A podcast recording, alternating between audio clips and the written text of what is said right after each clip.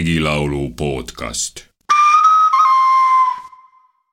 kus on see kurbade kodu, kus on see kurbade kodu? ja see halbade ase ja see halbade ase. vaese lapse varjupaika, vaese lapse varjupaika. leese naise nutunurka, leese naise nutunurka seal on see kurbade kodu, seal on see kurbade kodu. Ja see halbade ase ja see halbade ase. seal, kus tuul on toa teinud, seal, kus tuul on toa teinud vesipalgid veeretanud, vesipalgid veeretanud. Saduseinad sammeldanud, saduseinad sammeldanud. uuduksed ette pannud, uuduksed ette pannud seal on see kurbade kodu, seal on see kurbade kodu. Ja see halbade ase ja see halbade ase. vaese lapse varjupaika, vaese lapse varjupaika. leese naise nutunurka, leese naise nutunurka. kõlas laul Kus soosie kurvade kodu, mille levinum nimekuju oleks ehk Kus on kurva kodu ja eeslauljaks oli Priit Pedajas.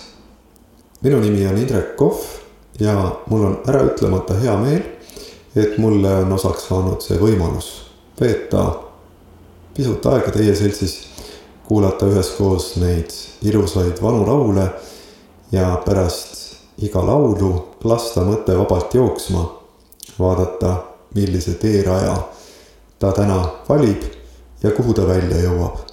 ja kas ta üldse kuhugi välja jõuab. nagu ikka, tahaksin ma alustada ühe mõttega, mida ma olen palju korranud ja mida ma loodetavasti ei väsi iial kordamast. ja see mõte on niisugune ma arvan, et regilaul ja kogu maailm, mida regilaul endas kannab, on meile, eestlastele midagi äärmiselt tähtsat. ma arvan, me ei tohiks sellest ülearu kaugele jääda, kui see ülepea peaks võimalik olema. ja me peaksime vähemalt aeg-ajalt, vähemalt üritada mõelda sellele, mida regilaulud meile öelda tahavad, miks nad üldse on, mis on see maailm, mida nad omal viisil vaatavad ja kuidas me saaksime seda tänapäeval, tänapäevases maailmas elades siiski ära tunda. sest ma arvan, et selles siiski on palju niisugust, mis võiks olla meile kusagil sügaval väga tuttav mulle endale tundub, et regilaulu maailm kannab endas sellist sügavat ja tugevat vundamenti, mille peale me saame üles ehitada kogu oma praeguse maailma. ja oluline on mitte lasta sellel mureneda. see vundament on midagi niisugust, mis äh, aitab meil näha kogu maailma, võib-olla isegi mingisuguse suurema terviku osana. ja samamoodi ma arvan, et see võiks aidata meil aru saada sellest, kes me ise oleme. see võiks olla niisugune enesereflektsiooni tööriist või tööriistakast, nagu aeg-ajalt on moodne öelda. ja me ei tohiks ennast niisugustest tööriistadest ilma jätta. katsume siis selle laulu puhul ka vaadata, mida see laul, tema tekst ja tema selline toon või hoiak aitab meil lahti muukida ja kas aitab. kus on kurva kodu? Kui hakata selle laulu jälgi ajama, siis eh, leiame, et on olemas niisugune laulukategooria, mida nimetatakse murelauludeks. Need ei ole itkud, need ei ole leinalaulud, need on just nimelt murelaulud. ja see laul on tõenäoliselt selle kategooria üks kõige puhtamaid esindajaid, peale selle, et tegu on ju ka tõenäoliselt ühega kõige tuntumatest regilauludest miks on see laul nii tuntuks saanud? noh, küllap sellepärast, et seda on ikka ja jälle palju lauldud. aga tuntusele on kaasa aidanud ka see, et näiteks Mart Saar on selle laulu põhjal kirjutanud koorilaulu, mida väga palju esitatakse. aga tuleme nüüd tagasi sellise huvitava laulu kategooria juurde nagu murelaulud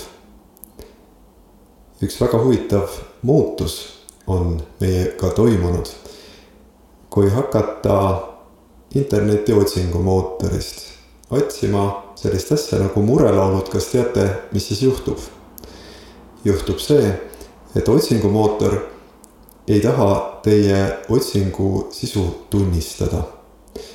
ta küsib teie käest, kas te äkki tahtsite otsida merelaule ja siis pakub teile otsingu tulemuseks väga palju lehekülgi, kus kas lauldakse merelaule või on esitatud tuntud merelaulude tekste ja nii edasi ja nii edasi. aga muret just nagu ei olegi olemas. võib-olla on asi selles, et äh, õnnelik olemine on muutunud normiks, me kõik tahame olla õnnelikud. ja kui see ka ei peaks õnnestuma, siis me vähemalt tahame õnnelikud välja näha aga samas tundub mulle, et kui mure on, siis tuleb seda ju ometi väljendada. ja ses mõttes arvan, et nendest vanadest murelauludest oleks meil kõigil võimalik õppida. oleks võimalik mingis mõttes kasutada neid laule justkui isegi teraapiana, sellise eneseravina. On ju öeldud ka igasuguse muu kunstiloomingu kohta, et kui see on viis kuidas oma valu mingisse kindlasse vormi välja valada. ja sellest valust siis võib-olla niimoodi kasvõi osaliselt vabaks saada. võime muidugi mõelda ka selle üle, et kas meie praegusaegses maailmas üldse võime neid ammuseid murelaule laulda või õieti noh, vast võime ikka, aga kas see aitab meil kuidagi näha iseendasse? mina arvan, et äh, lühike vastus oleks kõigele vaatamata siiski jaa. sest ajad ja olud on muidugi äratundmatuseni muutunud, aga regilaulu kui kunstiteose olemus siiski jääb. kunstiteos ei räägi ju enamasti asjadest sada protsenti otse ja üheselt. see on ikkagi vorm, kuidas mingisugusele küsimusele läheneda läbi kujundite, läbi sümbolite, eh, kuidas vaadata võib-olla tõesti konkreetsele murele või probleemile läbi saladuse prisma. nii et õhku jääks saladus. kui me hakkaksime täna kuuldud laulu mõtestama väga otseselt ja üks-ühele, siis peab küll ütlema, et see pilt, mis avaneb, on väga lohutu ja isegi õudne. see ütleks meile, et vaeslapsel ja lesknaisel ei ole ühiskonnas kohta. tema kodu on seal, kus see tuul on toa teinud, vesipalgid veeretanud ja uduuksed ette pannud ma tahaksin arvata, et võib-olla ei ole meie elu praegu ja võib-olla ei olnud ka tolle laulu loojate elu tollal nii trööstitu ja jube. tõenäoliselt oli ka kunagises külaühiskonnas siiski nii vaesel lapsel kui ka les-, lesknaisel mingisugune koht. tõsi, elu oli kindlasti raske ja elu oli kõigil raske ja elu on ka meil praegu väga-väga raske, sest kuskil pole öeldud, et elu peab kerge olema. aga ma usun, et see laul on pigem siiski, ütleme siis luuletus. Et ta ei kõnele meile otse sellest, kuidas tol kaugel ja jubedal ajal elati. vaid et ta pigem väljendab mingit tunnet läbi niisuguse tõesti väga-väga melanhoolse ja nukra lüürilise teksti.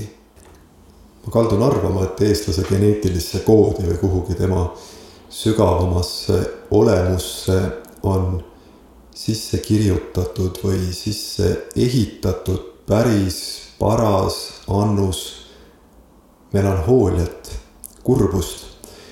ja just sellisena on see laul minu arust niisugune, mis võiks meid mingil süvatasandil üsna otse kõnetada.